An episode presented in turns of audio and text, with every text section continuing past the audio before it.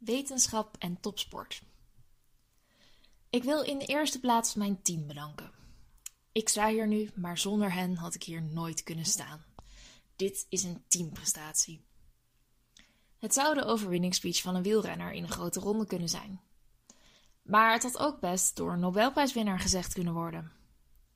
En waar je bij zo'n wielrenner nog kunt discussiëren in hoeverre zo'n speech valse bescheidenheid betuigt, had Roglic dit jaar de Tour gewonnen, dan zou ik zeggen nee. Dat had hij voor een heel groot deel te danken gehad aan zijn ploegmaatjes van Jumbo-Visma, die de ganse Tour op kop hebben gebeukt.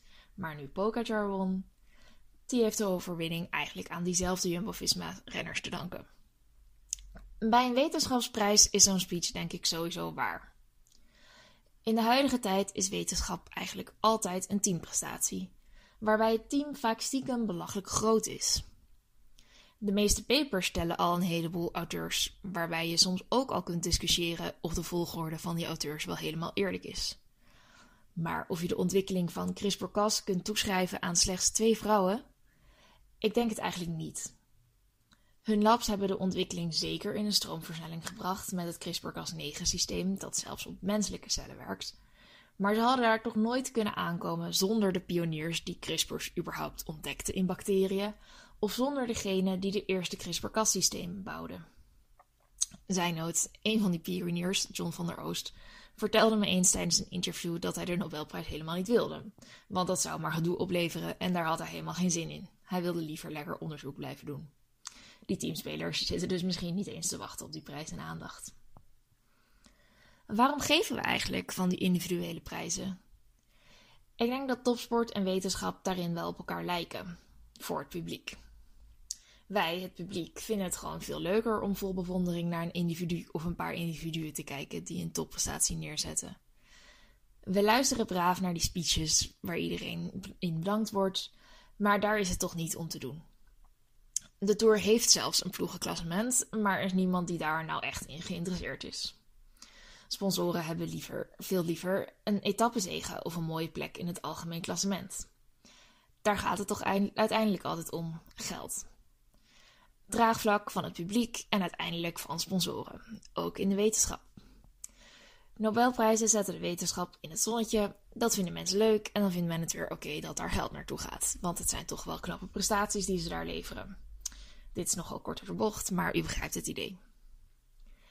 Een van de redenen waarom het eigenlijk jammer is, zou ik zeggen, dat de vaak gebruikte metafoor van wetenschap als topsport dus wel een beetje klopt. Ik heb zelf op hoog niveau aan synchroonzwemmen gedaan en ik kon altijd enorm gefrustreerd raken over de bochten waarin wij ons als sporters moesten wringen om andere mensen, niet-sporters, gelukkig te maken. Zo heb ik eens een hersenschudding opgelopen omdat het zwembad ondiep was, maar ja, het was kennelijk belangrijker dat ook deze buitenwijk van Antwerpen een belangrijk toernooi mocht organiseren dan dat wij veilig konden sporten.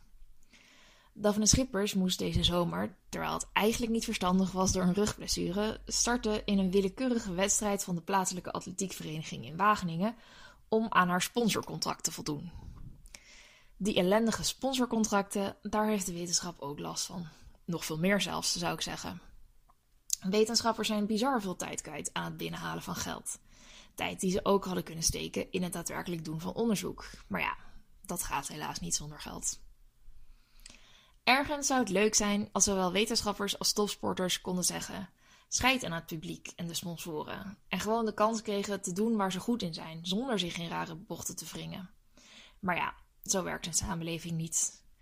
Dat publiek, nu eenmaal belangrijk, dat publiek is nu eenmaal belangrijk en de geldschieters ook. En hoewel ik denk dat een camera-helikopter die zo laag vliegt dat de hekken tegen de Giro-renners aan worden geblazen echt niet nodig is, zal het belang van de sporter dus nooit helemaal op één staan. En zal de bewondering die hangt aan een individuele prijs de doorslag blijven geven bij de spelregels voor de Nobelprijzen? Of zou een ploegenklassement misschien wat zijn?